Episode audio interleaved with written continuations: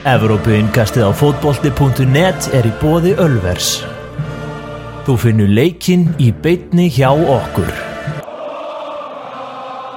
Sem og Karoki.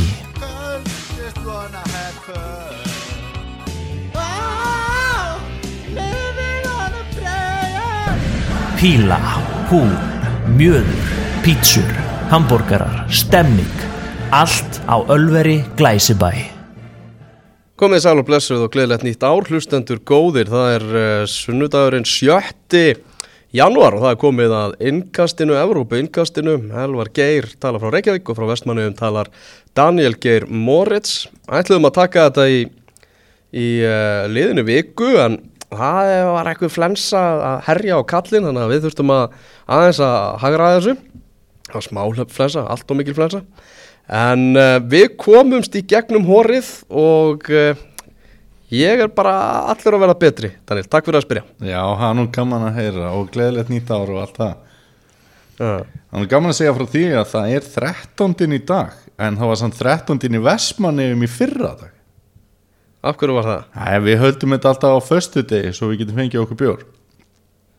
Já, það er mjög vel gert. Ég svo ánæg með hvað þú ert orðið mikill vestmanni. Er Það ekki?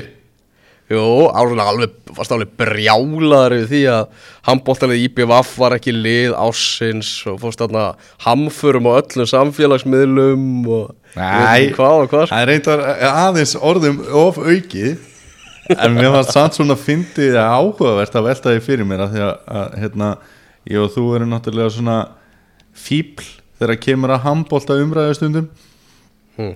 Að hérna svona gera grín að- handbólta svona út frá fótbólta og eitthvað jari jari jari bara svona upp á Aðalega þúsand.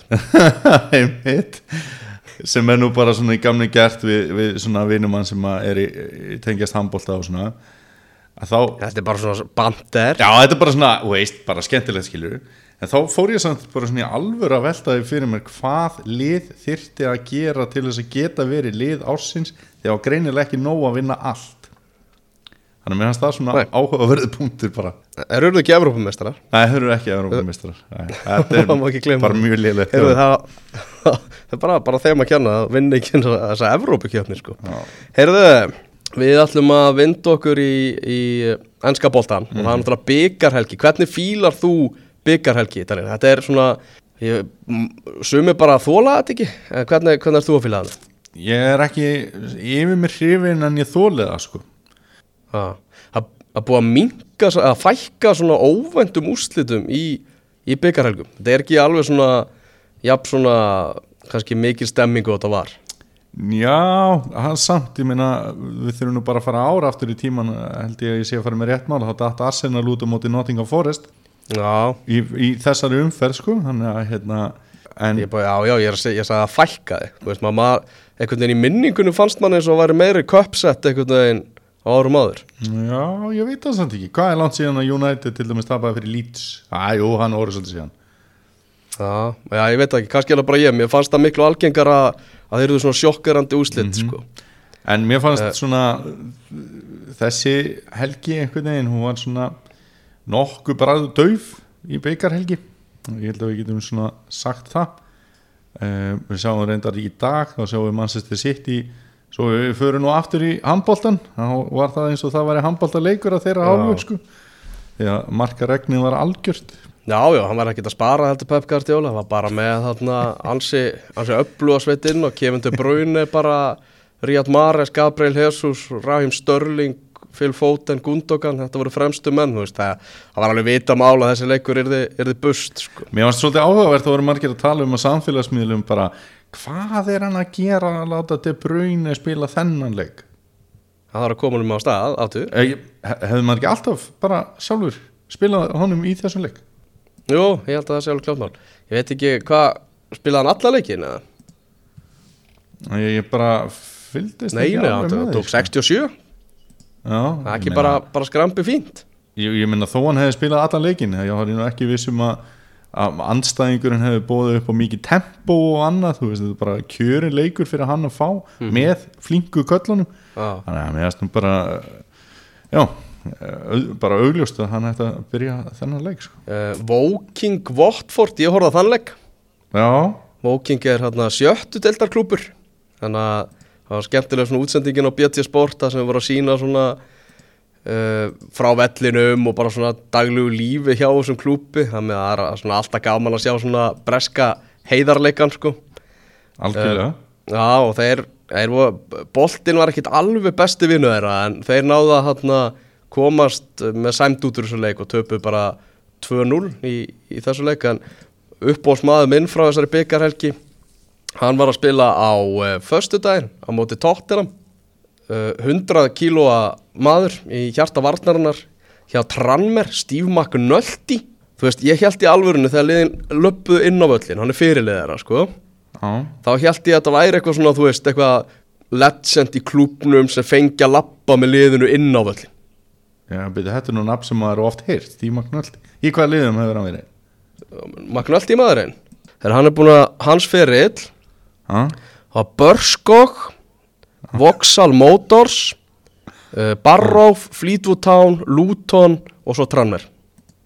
já, ok Þá getur verið að, að, hérna, að bara svona minni sig að reyka til Stefáns Pálssonar tala um þennan mann einhvern tímann á Twitter kannski er þetta ekkert meira en það sko Já, McNulty, hann, hann, já, ég held það bara ángríns. Og svo bara var, var hann og Del Alli hann með í uppkastunum fyrir dómarana fyrir leik og ég var bara, heyrðu, hann, hann er bara í alveg að fara að spila þessi gæi, sko. Og á sjöndu mínútu kom svo skemmtilegt nærmynda á hann, þar sem hann var bara algjörlega búinn, sko. Það var ekki mikið lífið á honum, hann slefti alveg að fara fram í hotnum og svona, þetta var bara, þetta var bara bumbu bolta leikmaður, 35 ára sko, svona með grátt hár og þetta var, það var alveg kostulegt að fylgjast með honum og kom ekki á óvart að, að Tranmer hafi sprungið sér algjörlega á limminu og fengið á sig flóð marka þarna eftir svona, fyrsta marki kom ekki fyrir hann á 40. mínútu hjá, hjá tóttina Já, en síðan fór þetta, fór þetta svona að matla inn. En þessi veist, gengi það er gengisfelling hjá ennska byggarnum bara þú veist þeir eru bara lúta fyrir peningakjarnunum meistaradeildinni og ennsku úrvarsdeildinni og veist þegar við vorum ungir og vorum að byrja að fylgjast með ennska boltanum þá var alltaf þetta var svo rosaleg keppni. Bara draumur allra ungra ennskra stráka var að spila úslitaleg FA Cup á Wembley. Mm Þú veist, það var það sem þið var að tala um með að vera að tala núna um að spila með Barcelona sko. einmitt. Þannig að, Það en, en, það er það ennþá náttúrulega alveg gaman að þessu, að þessu en ég er talsmaður þess að í byggarnum jafntefli á ekki að vera til. Þú veist, bara Mhm. nýr leikur eða eitthvað, bara leika alltaf til þrautar. Mhm. bara það er byggarleikur bara annarlið fellur úr leik og hitt kemst áfram. Það er bara að vita mál það byggarleikur hefst, sérstaklega núna þegar leikjálaðið er svona ógeðslega mikið hjá liðunum þá held ég að myndi ef þið vita það að þeir eru ekki að fara, kannski að fara í, þurfa að fara annan í annan leik úrvastildaliðin sko. þá held ég að þið mynd, myndu leggja meira í þessa kefni Var ekki búið að breyta þessu í þetta? Þeir eru bara jafntefli ennþá eða? Strúsburi og Stók gerðu eitt eftir jafntefli það fullt af jafnteflum í þessar umferð sko. Já, ok, ég held að það hefði átt að breyta þessu sko. Það er náttúrulega annað líka sem hefur bitnað á þessari keppni það er að hérna í raun og veru fellur leikja niðarröðun deildabyggarsins betur fyrir þessi stæstu lið þannig að það hefur verið auðveldara fyrir þau að setja mikið púður í deildabyggarinn eða sem sagt hina byggarkeppnina Já, orkudrykja kefnina Já, hann er ofta kannski verið svona meiri metnaði þar þá bara út frá því hvernig leikja niðurröðunin hefur verið. Það er náttúrulega, þú veist, gaman aðeins, veist, ég var ekki að lesa þetta sé jafnvel einhver 16 ára strákur í hóp hjá, Liverpool og morgun, þannig að svona, það er oft gaman að sjá aðeins inn í framtíðina í þessum, kefnum. Já, talandi um það, þar var nú Joseph Willock sem ná skoraði tvö mörg fyrir Arsenal í gær eða, eða þrjú, eða byrju hvernig var þetta ok. og hérna hann leitt ansi vel út og náttúrulega var að spila á móti Blackpool það var náttúrulega ekki hvað var að segja, flinkasta liðið í þessu. Þar var nú reyndar Liverpool hérna, krakki, Jay Spearing sem að uppalinn hjá Liverpool og fór síðan til Bolton sem að margir muna eflaust eftir Ha- hann, hann hefur ekki fríkað með árunum en það er önnur saga og að, hérna, Willock var að spila virkilega vel í, í þeim leik þannig að það er svona nokkri leikmenn sem að uh, stuðnismenn Arsenal eru spennti fyrir þannig að hafa gaman að fá það út úr þessari, þessum leik að sjá til dæmis hann spila svona vel og Nketiah sem að við þekkjum nú öllu betur hann hérna spilaði ágætlega í þessu leik tókst samt ekki að skora. Mhm. Það er oft svona mikið stemming náttúrulega hjá neðrutildalöðunum að fá stórlið í heimsó Já, þetta er, bara, þetta er bara eins og þegar var verið að tala um hérna dráttin þá skildi ég aldrei fólk sem að vildi fá veist, leiðilegar skástrík lélegri þjóðir í riðil með Íslandi. Veist, ég vildi alltaf fá bara bestu mögulegu þjóðirnar og skemmtilegustu leikina. Já, af því að þarna eru við neðri deildar klúpur að fara á veist, það er alveg að hugsa það þannig. Þá er náttúrulega miklu skemmtilega að byggakjarni nýtist eins og fyrir Blackpool að fá Arsenal í heimsón heldur en Tranmir já, já. Og það þarna mættilega enginn á þennan legg af stjórnismönnum Blackpool. Bara náttúrulega bara völlur var nánast tómur. Að, Já, að stórum hluta reyndar Já, það eru reyndar hérna, miklar skýringar á því. Það er kannski ekki hægt að kenna Arsenal um það. En það er, en er ekki allt vitlust hjá þessum félagi út af eigandanum? Jú, það er nú bara þannig og þarna ég las sem eitt sko orðussendingu sem var send, send til stuðnismanna Blackpool. Ah. þar sem fólk var bara beða um það að bara sleppa því að mæta á leikin fólk sem myndi mæta á leikin að það myndi sleppa því að vestla við sjoppuna á vellinum og bara beina ekkert viðskiptu sínum til félagsins. Uh, og samt sem áður kvatti til þess að nýta sér uh, svona staðina svona í kringum leikvangin það sem að, það sem að fólki sem að náttúrulega hefur kannski bara lifibröð sitt bara algjörlega af kappleikjum hjá Blackpool einhverja mm kepa búlur hérna í kring og barir og svona. Uh, en þetta var bara til að mótmæla uh, eigandum liðsins og, og eigandur um Owen Oyston sem er hansi svona já, furðulegur fýr sem að uh, bara dæmdur kynferðisbrota glæpa maður uh, frá, var dæmdur hann held ég hvað, já, 96 hann er 85 ára og, og, nú, og stundum með Blackpool vilja meina það að, að eh, bara eigendurnir séu ekki með velferð félagsins og, og liðsins að, að leiðaljósi þannig að þeir bara já, síndu bara mótmæli með því að mæta ekkert á völlin þetta var líka mjög skrítið veginn þegar maður, ég vissi þetta ekki fyrir leik sko, mm mitt svo bara sjá völlin bara hálf tóman hann, það var svona já, það voru skýr skilabóð og, og menna, þau eru búin að koma þessu allavega í umræðina klárlega núna, við varum ekki að ræða þetta að það hefur bara verið fullu völlur hvað eigendur Blackpool eru, eru ómögulegir. Nei, algjörlega. Og hérna e, Mér langar eiginlega að gera eitt með þér. Mér Já. langar að hérna dátti, e, loka á þessa umræðu kannski bara um byggarinn í byli er eitthvað meira sem að alls ekki, ég kom með kannski- byggarn Já, er það ekki? Jú. Og tala eins meira um eigendur. Já, að því að ég sá hérna töflu um, um daginn sem að var ansi áhugaverð. Og þetta er hérna sem sagt Premier League Owner Financing frá 2008 til 17 ok sem sagt það sem að eigendur hérna liða hafa dælt í félagið sko. Mm. og við náttúrulega sáum mikla breytingu á þessu 2004 þegar Roman, nei 2003 fyrst já, þegar Roman Abramovich kaupir Chelsea og þá var allir nú komin eitthvað svona eigandi sem fór að dæla peningum í liðið og þetta var svona sett í annað samhengi mm og ef maður skoðar þessa töflu að þá hérna e, þetta er sérst frá 2008 til 2017 að þá eru e, eigundur Master City eh, eins og margir byggust við þeir tróna á toppi þessara töflu þar sem að þeir setja 1275 miljónir punta sjálfur í Manchester City afar, afar vö- vafasömu eigendur svo vægast sé, vegt sér til Já. að tekin og í öðru sæti sem að nær ekki 50% er Roman Abramovich með 520 miljónir punta ég ætla ekki að fara svona alveg yfir þetta veist. Eh, United kemur svo í þriða sæti og Liverpool í fjórða sæti og Leicester í fymta sæti. Mm uh, og þetta eru svona liðin sem, liðin sem hafa verið í ennsku úrvastildinni sem eru þarna. Það kemur til dæmis óvart að Sönderland er nokkuð ofarlega á þessu lista. Og það þegar gengið þeirra hefur náttúrulega verið eins og það er og eigandinn alveg gríðarlega óvinsæll. Uh, Middlesbró uh, þar er eigandinn ekki búin að setja neitt.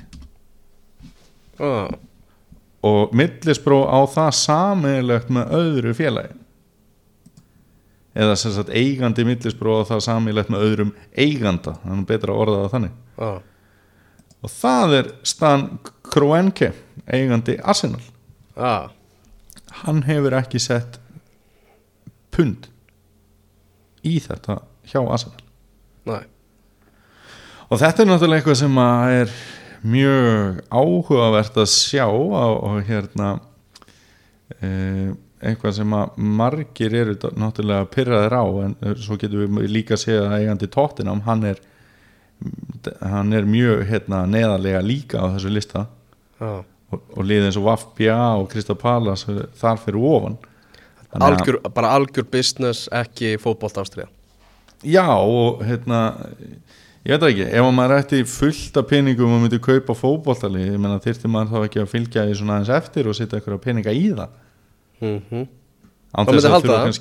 maður myndi halda það, án þess að þurfa kannski að fara í einhvern, einhvern mannstæsti sitt í gýr en það er það svona önnur deild sem að mannstæsti sitt og Chelsea er að spila heldur en önnur lið. En já, mér fannst þetta bara svona áhugavert að það væri ekkert veist, þetta er bara 0 frá 2008 til 2017 sem þessi tabla nær yfir. Já, þú varst fúll yfir þessu, ég heyri það. Mm mm -hmm.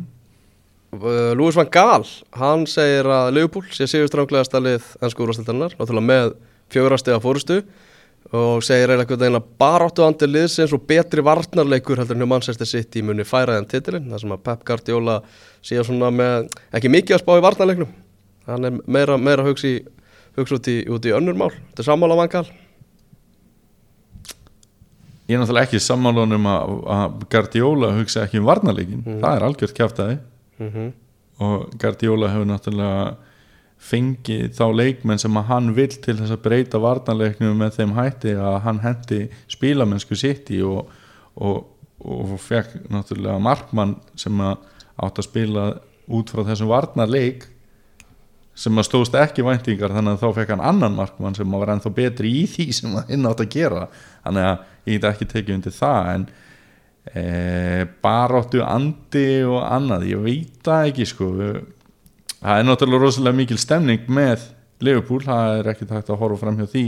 En, en hérna Það City vann þegar liðið möttist á 50 daginn já, City vann þegar liðin mættust á 50 daginn og þeir unnu þann leika því að þeir voru aðeins betri í honum.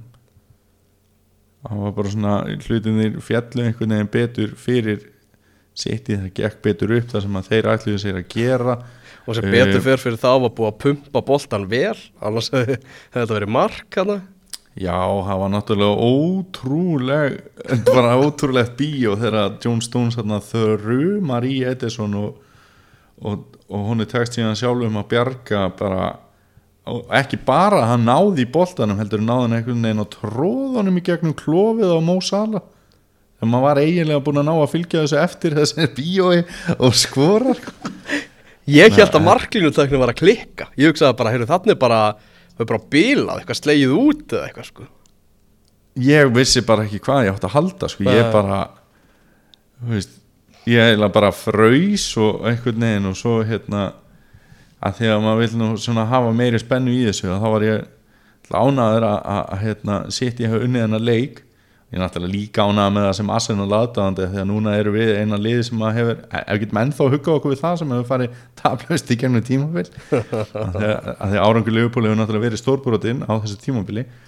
Já, já, en, en hérna Liverpool er sigurstrángleira núna út af því að þeir eru með fjögur stig. Menn finnst það ekkit endilega út frá spilamennsku eða annað gera Liverpool að sigurstrángleira lið það er bara stigamunur og líka búið að mæta Manchester City í tvisvar. Þau eru ekkert að fara að Já. mæta þeim aftur sko.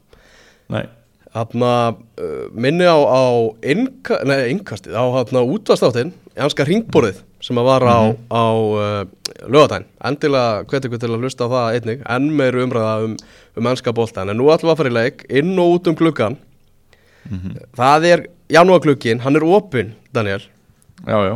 Og þú ætlar núna að segja hvað félögin er að gera Já, já, hvað svona setjum við svona skorður? Að ég yrði að selja tvo leikmenn og kaupa tvo ekkert endilega í staðinn en í liðin e, upp á það svona sem mér e, finnst vanta.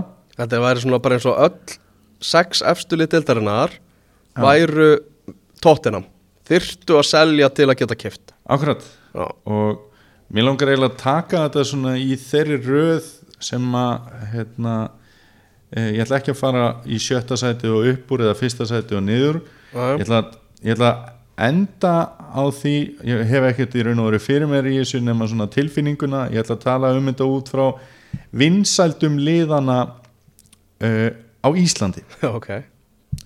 Og þá ætla ég hérna, að byrja á liðinu sem á fæsta fylgjendur á Íslandi af þessum sex bestu og enda á vinsælasta liðinu á Íslandi Já, Í sjötta sæti þá já, í, í þeirri tilvíluna kendur röð minni er Manchester City. Og þar ætla ég að selja Fabian Delf og Otamendi. Já, uh, Otamendi er seldur að því að ég þurfti að selja tvo. Mhm. Hann er ekki seldur út af því að mér finnst hann ekki eiga heima í Manchester City Fabian Delf er seldur út af því að mér finnst hann uh, vera svolítið búinn núna. Hann náði einhvern veginn á undraverðan hátt að leysa þessa vinstri bakvara stöðu uh, í, fyrra mhm. eh, þegar allir töldu daga hans talda. En svo einhverjum tímapunkti hættir svoleiðis að, að virka eins og við höfum til dæmis séð með bakvarastöðu hjá Manchester United. Þannig að Delf og Otamendi þurfa að fara út og inn í staðinn ætla ég að kaupa Patrik Van Anholt það er bara mínu mati virkilega góður vinstri bakverður og gæi sem að hérna, er á einhvern veginn svona þannig ferilega, ég held að hann er ekkert eitthvað miður sín að vera reglulega á bekknum. Af því að ben, Benjamin Mendy er náttúrulega þeirra fyrsti kostur. Van ég Arnold er hollendingur sem spila fyrir Crystal Palace Það er mitt.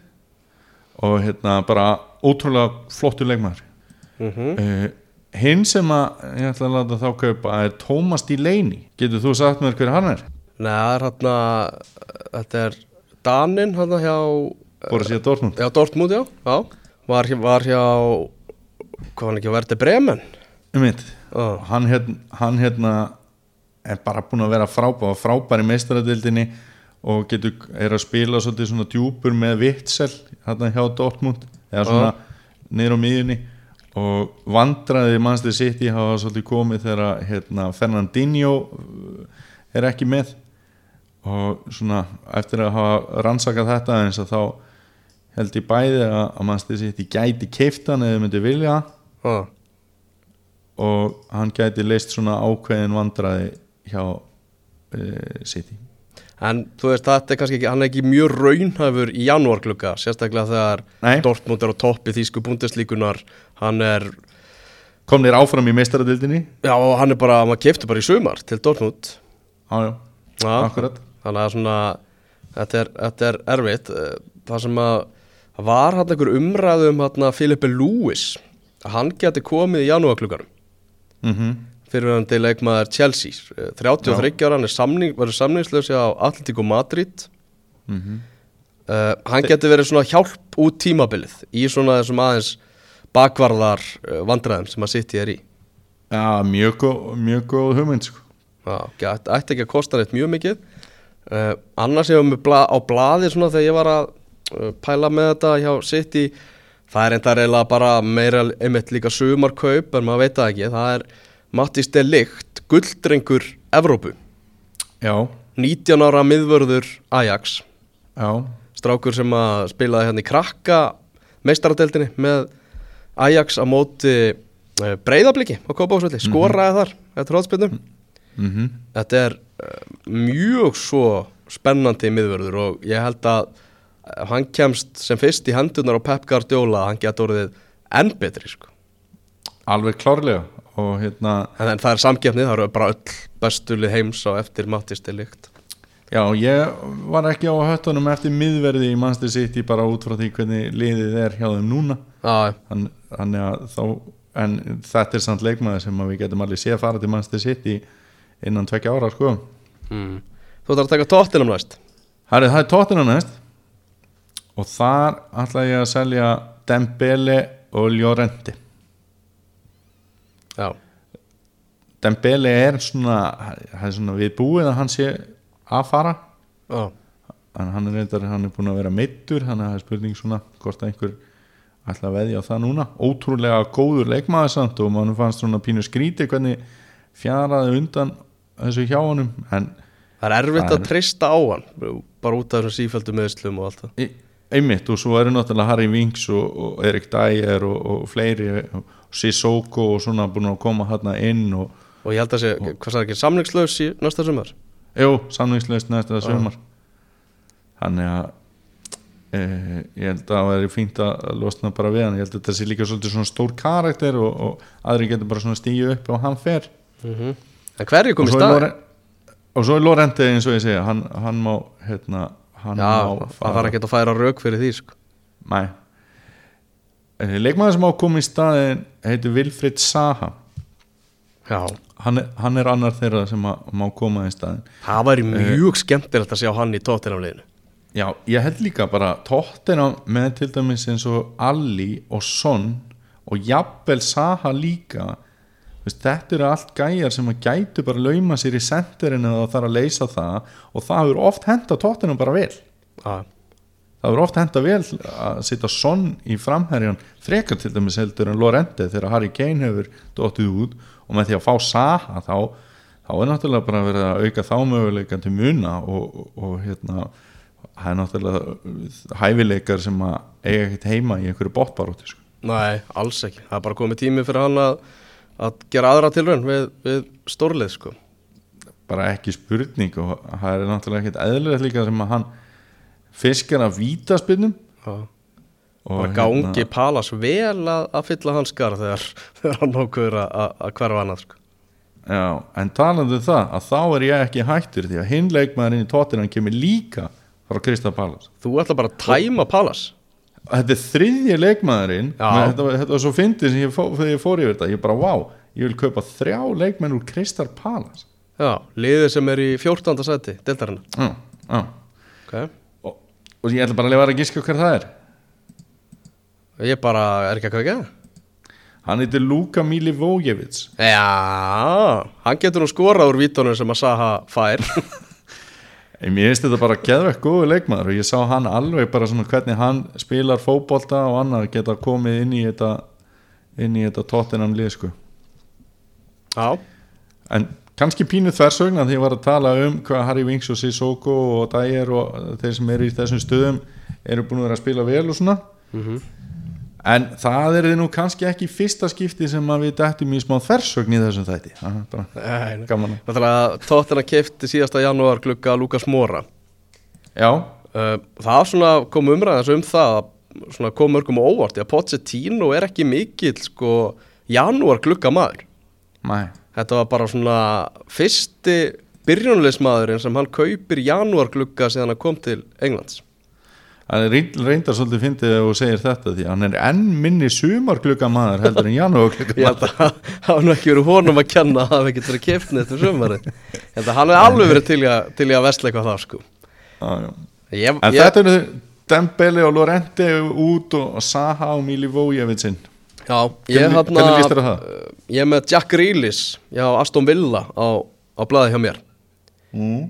sem að var náttúrulega orðaður við tóttina bara síðasta sumar Heldur betur. Og nú er einhvern veginn þetta er, þetta er svolítið að fjara út þessar vonir uh, Aston Villa um að komast upp.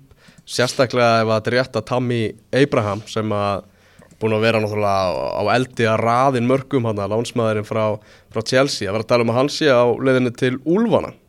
Mm og að fylla hans skarð er bara held ég ómögulegt fyrir Aston Villa. Þeir eru fimm stigum núna frá umspilsæti í Championship.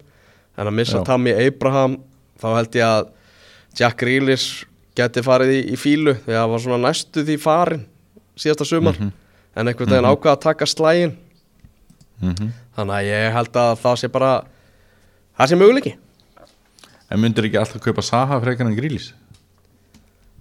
Jú, allan daginn. Já, að, að ég bara er spenntur að sjá veist, Jack Grealish náttúrulega er hann er vittlisingur hann er, er sprellikelling. Hann er hann að gaur sem að hefur verið mikið vesen í kringum hann er búin að vera stiltur núna í ansi marga mánuði.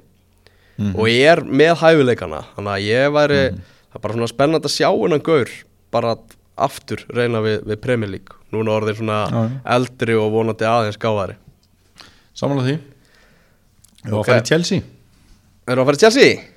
Já, Já, þeir eru náttúrulega búnir að kaupa já, býttu nú við Hvert keipti þeir á- Já, ég, ég, ég, já, ég taldi það ekki með. Ja, hann, náttúrulega kemur ekki fyrir næsta sumar. Já, hann er nefnilega sumarkaup sko. Hann er hann að hann eru þeir að fá keftur ekki hann, að- hann ekki á hvað var það, 60 miljónu punta, 58 eða Já, alltaf er þeir, þeir eru nefnilega ekki bara að kaupa frábæra leikmann heldur líka náttúrulega bara stærsta bandaríska nafn í sögu ennsku úrvarsleitarinnar Hvað heldur þú að þessa 50 og eitthvað miljónu punda veri lengi að borga sig mjög fljótan Mjög fljótar. Já, Já, alveg sammálaði náttúrulega endalust á ungum krökkum sem að eru miklir sokkeradafundur í bandaríkjunum og þar er Já, þessi gaur bara skilur þetta er svona þeirra Gilvi Þór Sigursson Já, ekki og spurning. Bandaríkjumenn eru solti fleiri heldur en Íslendingar. Já, þannig að þetta er hérna spennandi að sjá. Náttúrulega var ekki alveg inn í myndinni hjá, hjá Dortmund var svona svolítið komin á, bekkin þar en þetta er þetta er hörkuleikmaður mjög spennandi og, og bara þú veist með endalösan möguleika á að verða enn betri. Hann er frá Hersey í Pennsylvania súkulaði Já. bæ. Já, súkulaði strákur sem að Pulisic er að fá sem að, eða sem að Chelsea er að fá. Þannig að það er það verður fróðulegt að ég, ég er spenntur að, spenntur að sjá hann en við þurfum að býða í nokkra mánuði já, algjörlega. Hann, hann dettur út úr þessum leik sem við erum að rýna meira í janúar pælingar kannski þannig. En má ég giska, má ég giska það? Sem ég seldi? Já, já, Morata? Næ, ha, seldur ekki Morata? Næ ég held að vera að taka þátt í þessu það var eitthvað í slúðri núna Morata út og, og Gonzalo Higuain inn. Nei, það er bara, þú ert við erum ekki að dansa með þessa pælingar sko. ég er bara aðalega sko Damir Múmínovic sem er náttúrulega mikill uh, Chelsea stunnismæður hann þólir ekki alvara Morata og hann er alls ekki einu Chelsea stunnismæðurinn í því. Mm miður eru blika, svo það komið fram. Ah, þannig að mér já, já, það vita það En- það þarf ekki að koma að taka það fram já, það er samt fullt af fólki sem er að hlusta á þetta sem er ekki endilega að spá í eitthvað íslenspark sko. Æja, já, sem að ég reynda aldrei skilið okkur menn spá ekki bara í íslenspark líka ef menn er að spá í spark á annar borð En það er önnur tilhæfni í umræða. aðra umræðu eitthvað tíma síðar já, já, herðu, þeir sem að ég ætla að selja mm. það er Sjesk Fabregas sem er nú eiginlega bara hann er bara farin til Monaco Já, og ekki bara eftir, ertu nokkuð búin að setja svegan á síðuna? Er það ekki bara, eða gera það bara eftir engasti er það ekki nánast þannig? Jó, var hann ekki eitthvað bara í tárum hérna í lokleiks núna um helgina og eitthvað Sko, Fabregas, hann á ekkert að vera far úr ennsku úrvastildinni. Ok, Það er mitt, það er mitt mat, sko. Þetta er allt og góður leikmaður til þess að til þess að vera að fara í eitthvað eitthvað eh, myrkur hann í Mónaco, sko. já, hann var las viðtal við hann þar sem hann var að tala um þarna svona innkomuna hjá Sarri sem að hann hefur náttúrulega bara verið varamaður undir, undir stjórn Sarri en mm hrífst mjög af svona hugmyndafræði hans og, og, og sagði að hann bara svona vildi óska þess hann hefði verið yngri að spila undir stjórn Sarri sko. þá hugsaði hann að, að þetta hefði akkurat verið stjórn fyrir sig sko. Já, já. Akkurat, hann hefur náttúrulega aldrei haft neitt rosalega hraða en hann hefur haft ennþá minni hraða síðustu ár. Og þetta var náttúrulega barnastjarnar Fabregas. Þannig að hérna, ég held að við hefum eftir að sjá hann í stjórastól einhvers staðar. Já, það Ná. kemur mér alls ekki óvart. Nei. Herðu, og hinn sem að ég seldi er Danny Drinkwater.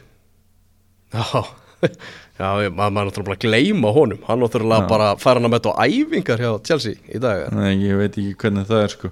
En það er síðan fjóri leikmenn sem að ég hafi svona innan sviga. Fjórir, tveir Já. út og fjórir inn? Nei, fjóri sem að hefði getað farið út líka. Já, Það er Victor Moses sem fær ekkert að spila. Nei, Það er Saba Costa sem fær ekkert að spila. Já, bara svona í Evrópudeildinni Það er Gary Cahill sem fær ekkert að spila. Já, þetta er svona Evrópudeildarleikmennandi þeirra.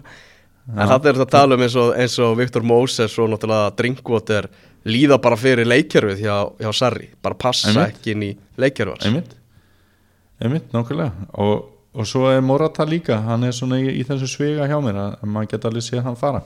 Mm. en þeir leikmenn sem ég ætla að kaupa í, í hérna, Chelsea og fyrra nafnið aftur fer ég út fyrir landsteina það er Milan Skriniar. Já, það er minn maður. Miðverður Inter. Já, hann held ég að geti komið með svona ákveðna getur við ekki sagt svona geðveiki eða skilur við, veist, eitthvað þetta er, svona bara, eh, þetta er bara, þú veist, þetta er rosalegu skrokkur Já. og bara frá því að ég bara sá hann spila fyrst þá hugsaði ég, þessi gaur smell passa sem miðvörður í anska boltan Já, Ég er með hann á lista hjá mér með til á Manchester United. Já. Ég, var, ég hef alltaf veist, hugsað um Milan Skriniar sem eiginlega minn uppbólskosti að koma í United. Ok. Þannig að ég ætla að setja hann í Chelsea bara að þú verður að býti það súra. Og hinn leikmaðurinn sem ég ætla að kaupa til Chelsea þetta, ég, veist það, ég hafði ógeðslega gaman að setja þetta nafnir á blað. Já, það er Diego Costa Já. að bara er þetta ekki eins augljóst að kaupa bara að segja kýri frá stók skilur Ég meina Drogba kom aftur. Já, ég meina Droppa kom aftur, þú veist, miklu eldri. Já, akkurat. Diego Costa var að koma núna bara eftir smá stund. Já, bara í janúar, núna. Já, hann var reyndar síðasta tímumbil líka. Já, Þannig að, hérna Já, ég bara, var ekki bara geðvægtur í Chelsea að fá Diego Costa? Ó, enska boltan Já, það tala nú ekki enska boltan, skilur Já, já. Þannig hvað að er næsta lið? Ég ætla að kaupa Costa og Milan Skriniar. Mm. Herru, næsta lið er á Arsenal. Ég Já. myndi segja að þeir væri þriðja vinsarasta liðið á Íslandi. Mm. og við erum að taka í þessari röð. Uh, leikmenn sem ég ætla að selja uh, sko, Elvar. Stefan Líktsteiner er umurlegur Þetta er, Hann- þú veist, hans ævintýr er svolítið búið, sko. Þú veist, hann er ekki einu sinni skemmtileg eða veist svona, hann er, hann er líka búin að valda mér ákveðnum vombriðum sem karakter sko. Já, fyrir utan þá hvað hann er bara ógæðislega lélugur mhm. Hann var lélugur á móti Blackpool. Já,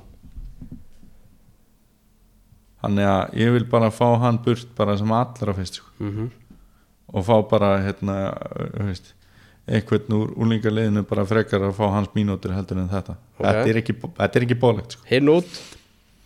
Það er El Neni. Já, ég, já, já, já Ég, ég El Neni, ég hef bara einhvern veginn Guandúsi kom upp í hugan á já, mér sko. já, já, já já, mér finnst þú nefnilega rosalega að hissa eitthvað á Já, já, bara sló bara saman hérna, sko já, það gerist á bestu bæm Já, en Mohamed El Neni Egiptin, hann er ekki nógu góður í, í lið sem að vil vera að berjast við það að vinna titla eða komast í meistaradeildina. Já, það er alveg bara hárétt hann er alls ekki nálega góður í það. Þannig að ég, ég, nei, ég er ekki hissið við því. Herru, leikmenn sem að mér langar að kaupa þá erum við aftur með hérna dálítið langsótt nafn sko, svolítið eins og sitt í að fá í leini og hann kemur meira að segja úr sama liði. Ok, það er hann Sancho. Já, að því að Arsenal vantar í raun og veru einhvern svona uh, sóknar tengilið já. Þá segi ég Og- bara sama náttúrulega hann er nýkomið til Dortmund. Einmitt, og er, og er bara strax svona líkilmaður ef að ég var ráðgjafa hans þá myndi ég segja vertu í Dortmund svona í þrjú ár allavega. Einmitt og þetta er bara svona sama spóla sem fer í tækið þegar við erum að tala um þennan eða Tómas Díleini en hérna ef maður væri samt á skrifstofu ef við verum hinum yfir borðið skrifstofu City eða Arsenal þá væri hérna margt vittlusara heldur en allavega að prófa. Ég er svo ánægð með þessa leið sem þessi Jadon Sancho fór bara að veist, var ekkert pláss fyrir hann hjá Manchester City samt með geggjað hæfileika og fer bara út fyrir England. Já. hann er bara, þú veist, búin að blómstra í meistaratildinni og, og, já, já, og Dortmund á toppnum og bara, bara öll virðing á hann að, taka þetta skref sko. algjörlega og meina Dortmund vann riðilinn sinn í, í meistaradildinni og það er ekki tilvílunni að segja að velja að heita gæja úr þessu liði þetta er bara eh, eitt besta lið Evrópu í dag mm -hmm. hvernig þeir hafa spilað á þessu tímabili sem þeir holna þannig að hérna já, það er náttúrulega uh, þú veist, Saha kom þarna líka til greina en mér langaði að hafa svona uh, velja bara einn í hvert lið. Menn það líka að vera svona dæmi sem ég vildi taka í leikin þú veist, annars, annars, annars hefur maður geta sett bara, þú veist, eitt nafn í öll lið. Ok, hinn leikmaðurinn sem að ég ætla að fá til Arsenal það er engin annar en Harry Maguire.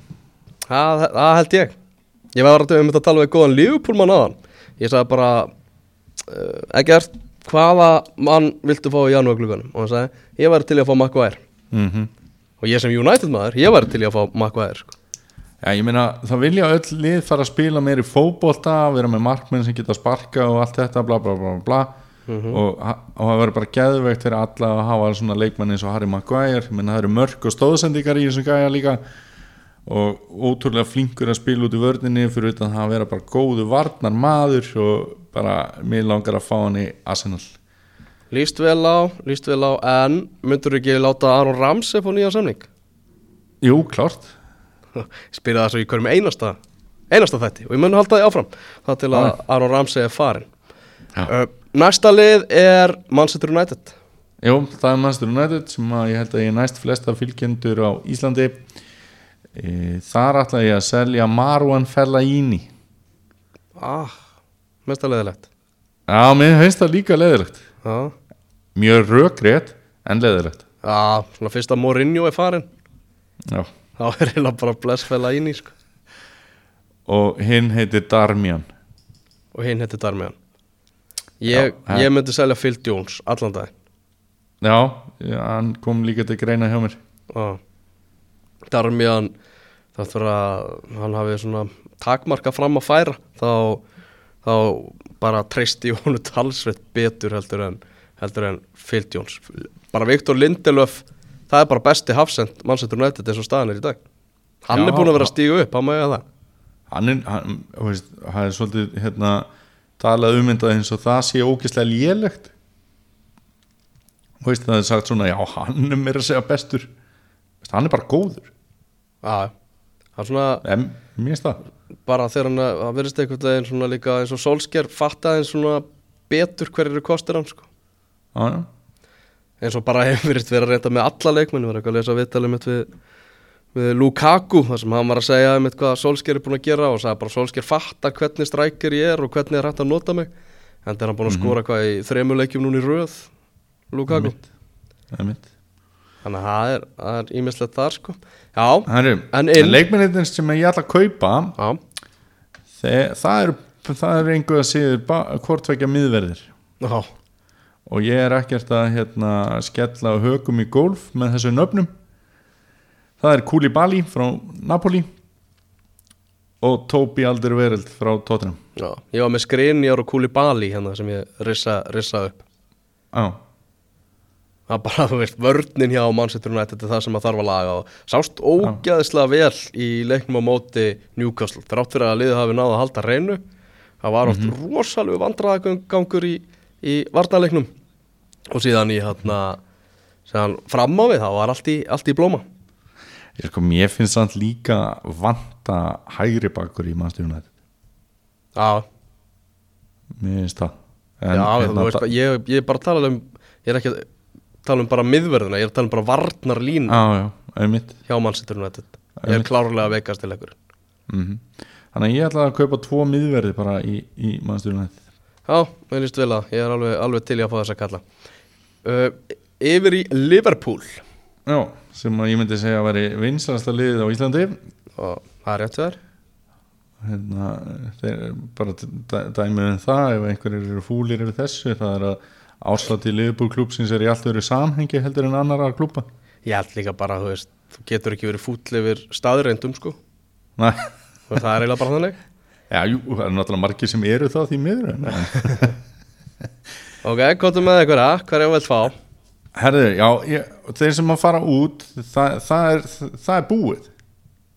Já, þeir, þeir, eru, eru búin að selja sína leikminn, þannig að ég geti eiginlega ekki farið að selja meira og ger, gerðu vel svo langa með eitt premjölík mark og, og hann er bara farin til, til Bournemouth og þeir fengu hvað, hvað, 16 miljónum punta Já, 17 held ég Ah. og svo seldu við Klein líka til Bormað og ég fatta það ekki alveg jafn mikið sko. Ah. og hérna Klein til dæmis leisti þarna í einhverjum leiki vetur og bara gerði það vel og þannig En þú fara einhver fyrir á þess eru farnir, hver er komið staðin? Já, ég setti hérna tvo líka innan sviga sem hann gætu farið, þú veist það er Lallana og Moreno. En ég hef ekki um þetta að segja, Já, það er bur- búið að selja þessa tvo. Burtu með, burtu með Moreno maður. hann er með þess að fara eitthvað kvart yfir hann að klopp sé að koma illa fram svo eitthvað, bara, og bara getur ekki að farði Já, nei.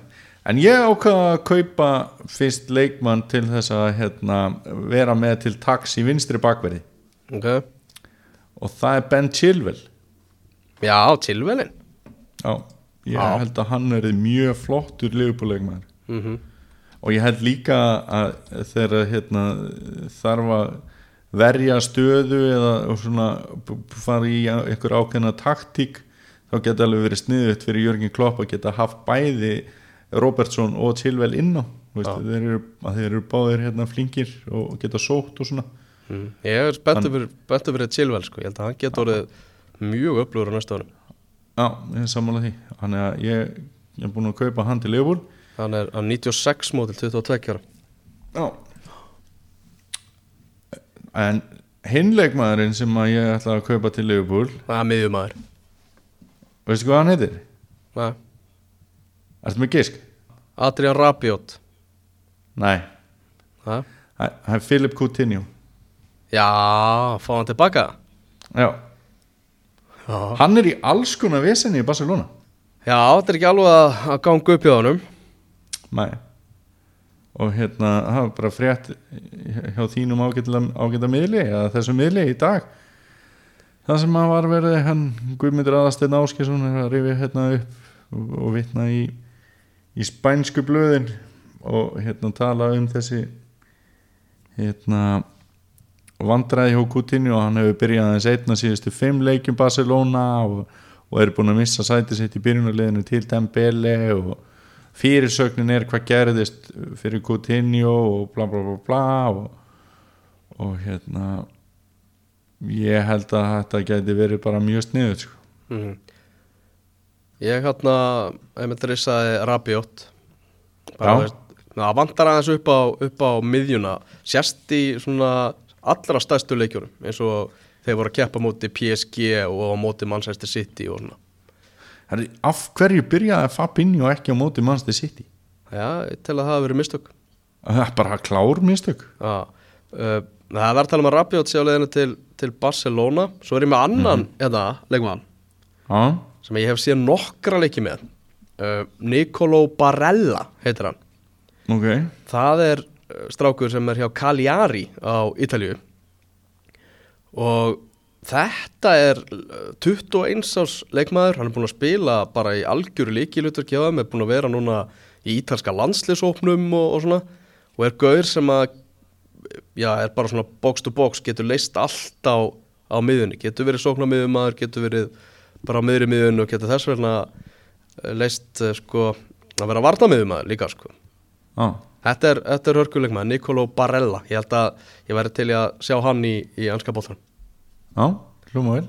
Eða hjá stórliði í ítalska bóltanum Sem verður alltaf, hann er að fara í Já. eitthvað, eitthvað stórlið ég held að sé, að sé fyrirliði Kaljari bara uppalinn hjá þeim og, og, og svona virka strákur sem er mjög heill í hausnum Ég er með hérna eina spurningu fyrir þig heldur þú að Nabi Keita geti gert herslumuninn í titil bara til Leopold Gæti? hm. heldur hann sé að fara að gera það Uh, nei, ég myndi ekki, þú veist, segja að hann myndi gera heslumuninn en að, þú veist, það getur náttúrulega hjálpað Nei, þú veist það bara að- að- Mér finnst hann ekkit muni- líklastu til að ráða því hvort það verði englandsmeistar eða ekki, sko Nei, nei, því. ég, já, ég veit það en, en hérna, þú veist, bara af þessu miðjumönnum Hann getur nýst þeim bara. Já, ég þú veist, það þarf, það þarf að fara að koma einhver frá þessum gæja. Já, já, það er klart mál. En mér fannst Sérstaklega búið að, að, var svo, búið að tala um hann svo lengi, sko. Það svona, Ég veit það. Nú þarf að delivera betur. En mér fannst ótrúlega umræða sko, við höfum nú talað um að hérna, áður hvað Leopold stuðnismenn eru gerðan ósangjarnir við eigin leikmenn. Já, og hvernig það var skrifað um Dejan Löfren eftir hennan sitt í leik þú veist það var bara eins og hann hefur skorað fimm sjálfsmörk viljandi. Já, þú veist þetta var, mér fannst þetta svo ótrúlega galið sko, í staðan fyrir að þú veist það kom þarna einhver algjör snilli þarna frá Aguero og, og, og þú veist að ég skil ekki stundu þegar þetta er ekkert náttúrulega bara stundin með Leopold en það er náttúrulega e, auðvelt að taka það núna þegar þessi leikur er svona tiltölulega nýbúinn. Að ég skil ekki þegar umræðan fer einhvern veginn alveg út í þetta að vera að taka einhverja leikmenn af lífi fyrir eitthvað svona sem að er ekki neitt sko. já, já, ég skil þig, ég skil þig. Svo er eitt punktur sem ég langaði að koma með líka að núna er svolítið verið að tala um hérna, Virgil van Dijk. Mm hvort að hann sé hérna, besti miðverður í, í sögu úrvastildarinnar Sko, sögu úrvast þetta Mér finnst þetta alveg fárálegt, sko. Ég ætla alltaf að koma með svona punkt með það að, við getum þess vegna eftir tíu ár rætt það og, og þá kæmi hann kannski til greina. Já, já, þú veist, það er allt of, allt of snemt að fara að henda honum í þetta mengi, sko. Ég minn eins og staðan er í dag þá er hann ekki búin að ná því að vera besti miðverður Liverpool í ennsku úrvastildinni Hvað meina þau? þú veist ég er að meina það að hann er ekki búin að ná sömu hæðum og til dæmis Karraker náði. Já, já, já, þú meina það. Já, já, Já, og, veist, og hann, er, hann er kannski að nálgast bara að gera, gera svipa og, og, og til dæmis sami hippi að gera þið fyrir Liverpool. Það er bara eins og Liverpool hafa aldrei áður átt góða varnamenn já. Þú veist, þetta er bara bull. Þetta er ekkert um að bull.